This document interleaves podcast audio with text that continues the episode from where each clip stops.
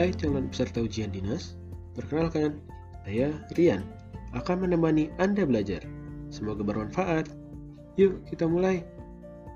Sekarang kita masuk ke materi Peraturan Kepegawaian berdasarkan Undang-Undang ASN yang akan terdiri dari dua submateri, yaitu beberapa peraturan kepegawaian dan jenis, status, kedudukan, fungsi, tugas peran, hak dan kewajiban ASN atau PNS. A. Beberapa peraturan kepegawaian. Untuk menyamakan istilah dan pengertian kepegawaian, berdasarkan Undang-Undang Nomor 5 Tahun 2014 tentang Aparatur Sipil Negara, perlu dijelaskan sebagai berikut. 1. Aparatur Sipil Negara Aparatur sipil negara atau disingkat ASN adalah profesi bagi pegawai negeri sipil dan pegawai pemerintah dengan perjanjian kerja yang bekerja pada instansi pemerintah. 2. Pegawai aparatur sipil negara. Pegawai aparatur sipil negara adalah pegawai negeri sipil dan pegawai pemerintah dengan perjanjian kerja yang diangkat oleh pejabat pembina kepegawaian dan diserahi tugas dalam suatu jabatan pemerintahan atau diserahi tugas negara lainnya dan digaji berdasarkan peraturan perundang-undangan. 3. Pegawai negeri sipil Pegawai negeri sipil yang selanjutnya disingkat PNS adalah warga negara Indonesia yang memenuhi syarat tertentu diangkat sebagai pegawai ASN secara tetap oleh pejabat pembina kepegawaian untuk menduduki jabatan pemerintahan. 4. Pegawai pemerintah dengan perjanjian kerja atau PPPK. Pegawai pemerintah dengan perjanjian kerja yang selanjutnya disingkat PPPK adalah warga negara Indonesia yang memenuhi syarat tertentu yang diangkat berdasarkan perjanjian kerja untuk jangka waktu tertentu dan dalam rangka melaksanakan tugas pemerintahan. 5. Pejabat yang berwenang Pejabat yang berwenang adalah pejabat yang memiliki kewenangan untuk melakukan proses pengangkatan, pemindahan, dan pemberhentian pegawai ASN sesuai dengan ketentuan peraturan perundang-undangan. Selanjutnya, pasal 54 mengatur bahwa Presiden dapat mendelegasikan kewenangan pembinaan manajemen ASN kepada pejabat berwenang di kementerian, sekretaris jenderal atau sekretariat lembaga negara, sekretariat lembaga non-struktural, sekretaris daerah provinsi, dan kabupaten atau kota. 6. Pejabat Pembina Kepegawaian Pejabat Pembina Kepegawaian adalah pejabat yang mempunyai kewenangan menetapkan pengangkatan, pemindahan dan pemberhentian pegawai ASN, dan pembinaan manajemen ASN di instansi pemerintah sesuai dengan ketentuan peraturan perundang-undangan. Berdasarkan ketentuan pasal 53 Undang-Undang Nomor 5 Tahun 2014 tentang ASN, Presiden selaku pemegang kekuasaan tertinggi pembinaan ASN dapat mendelegasikan kewenangan menetapkan pengangkatan, pemindahan, dan pemberhentian pejabat selain pejabat pimpinan tinggi utama dan media, dan pejabat fungsional keahlian utama kepada A. Menteri di Kementerian B. Pimpinan lembaga di lembaga pemerintah non-kementerian C. Sekretaris Jenderal di Sekretariat Lembaga Negara dan lembaga non-struktural D. Gubernur di provinsi dan E. Bupati atau wali kota di kabupaten atau kota 7. Pejabat negara Pejabat negara adalah pimpinan dan anggota lembaga tinggi negara sebagaimana dimaksud dalam Undang-Undang Dasar 1945 dan amandemennya, dan pejabat negara lainnya yang ditentukan oleh undang-undang. Berdasarkan Undang-Undang Nomor 5 Tahun 2014, pejabat negara terdiri dari sebagai berikut. Nah, sekarang muncul ilustrasi. Silahkan akses modulnya dan pahami maksudnya ya. Kita lanjut ya. 8. Penyetaraan jabatan PNS. Dalam pasal 131 Undang-Undang Nomor 5 Tahun 2014 tentang Aparatur Sipil Negara ditentukan bahwa saat undang-undang ini mulai berlaku, terhadap jabatan PNS dilakukan penyetaraan sebagai berikut. A. Jabatan Eselon 1A Kepala Lembaga Pemerintah Non-Kementerian setara dengan jabatan pimpinan tinggi utama. B. Jabatan Eselon 1A dan Eselon 1B setara dengan jabatan pimpinan tinggi media. C. Jabatan Eselon 2 setara dengan jabatan pimpinan tinggi Pratama. D. Jabatan Eselon 3 setara dengan jabatan administrator. E. Jabatan Eselon 4 setara dengan jabatan pengawas. Dan F. Jabatan Eselon 5 dan fungsional umum setara dengan jabatan pelaksana. 9. Manajemen aparatur sipil negara. Manajemen ASN adalah pengelolaan ASN untuk menghasilkan pegawai ASN yang profesional, memiliki nilai dasar, etika profesi, bebas dari intervensi politik, bersih dari praktik korupsi, kolusi, dan nepotisme. Manajemen ASN ini meliputi manajemen pegawai negeri sipil atau PNS dan manajemen pegawai pemerintah dengan perjanjian kerja atau PPPK. Kebijakan manajemen ASN berada pada presiden selaku kepala pemerintahan. Presiden dapat mendelegasikan kewenangan pembinaan manajemen ASN kepada pejabat yang berwenang di kementerian Sekretariat Jenderal atau Sekretariat Lembaga Negara, Sekretariat Lembaga Non-Struktural, Sekretaris Daerah atau Provinsi, dan Kabupaten atau Kota. 10.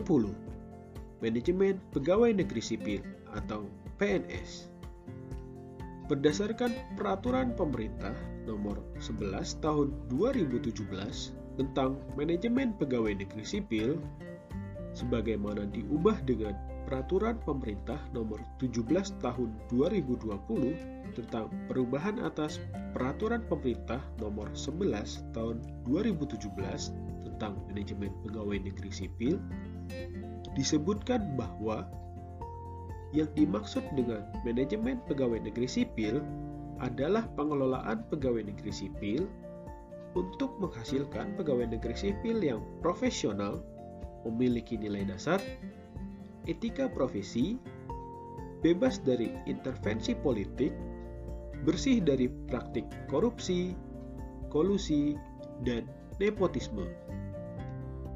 Manajemen PNS meliputi A. Penyusunan dan penetapan kebutuhan B. Pengadaan C. Pangkat dan jabatan D. Pengembangan karir E. Pola karir F. Promosi G. Mutasi H. Penilaian kinerja I. Penggajian dan tunjangan J.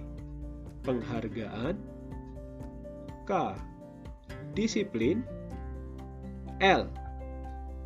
Pemberhentian dan M. Jaminan pensiun dan jaminan hari tua dan perlindungan. Submateri kedua B. Jenis, status, kedudukan, fungsi, tugas peran, hak dan kewajiban ASN atau PNS. Pengertian dasar mengenai kepegawaian dalam UU ASN yang dibahas mencakup jenis, status, kedudukan, fungsi, tugas peran, kewajiban, larangan, dan hak pegawai negeri sipil sebagai berikut. 1. Jenis, status, dan kedudukan. Pegawai ASN terdiri atas pegawai negeri sipil atau PNS dan pegawai pemerintah dengan perjanjian kerja atau PPPK. PNS merupakan pegawai ASN yang diangkat sebagai pegawai tetap oleh pejabat pembina kepegawaian dan memiliki nomor induk pegawai secara nasional.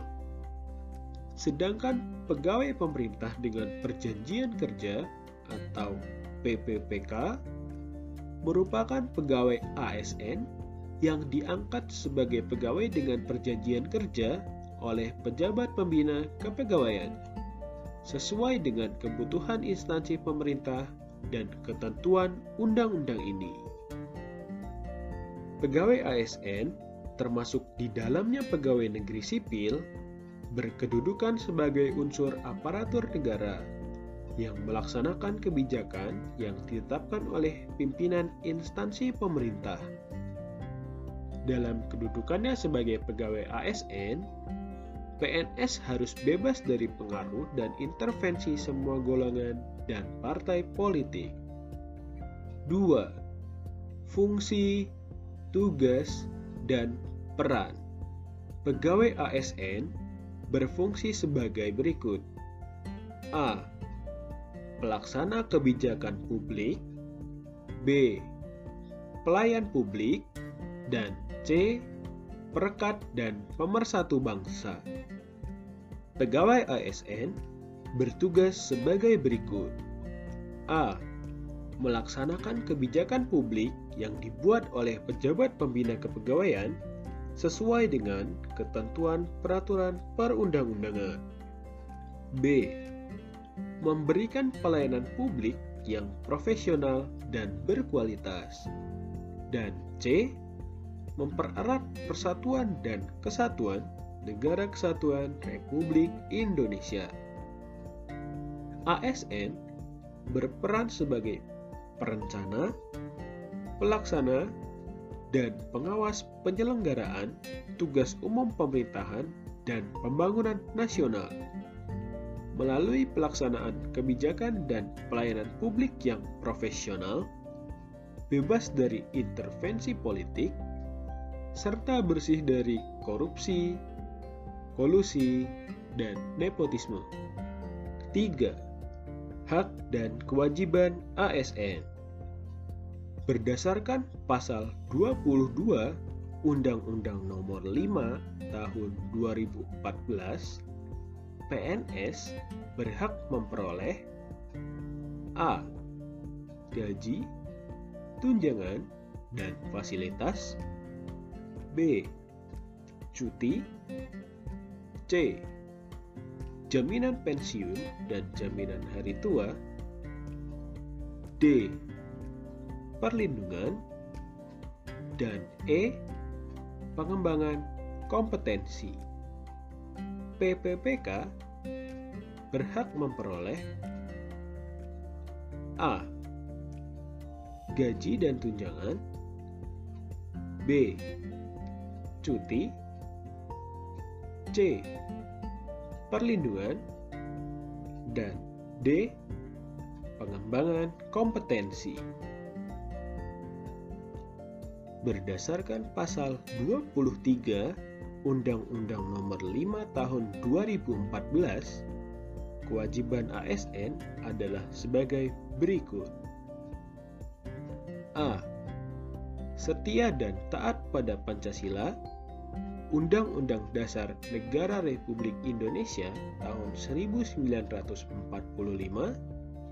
Negara Kesatuan Republik Indonesia, dan pemerintah yang sah. B. Menjaga persatuan dan kesatuan bangsa. C.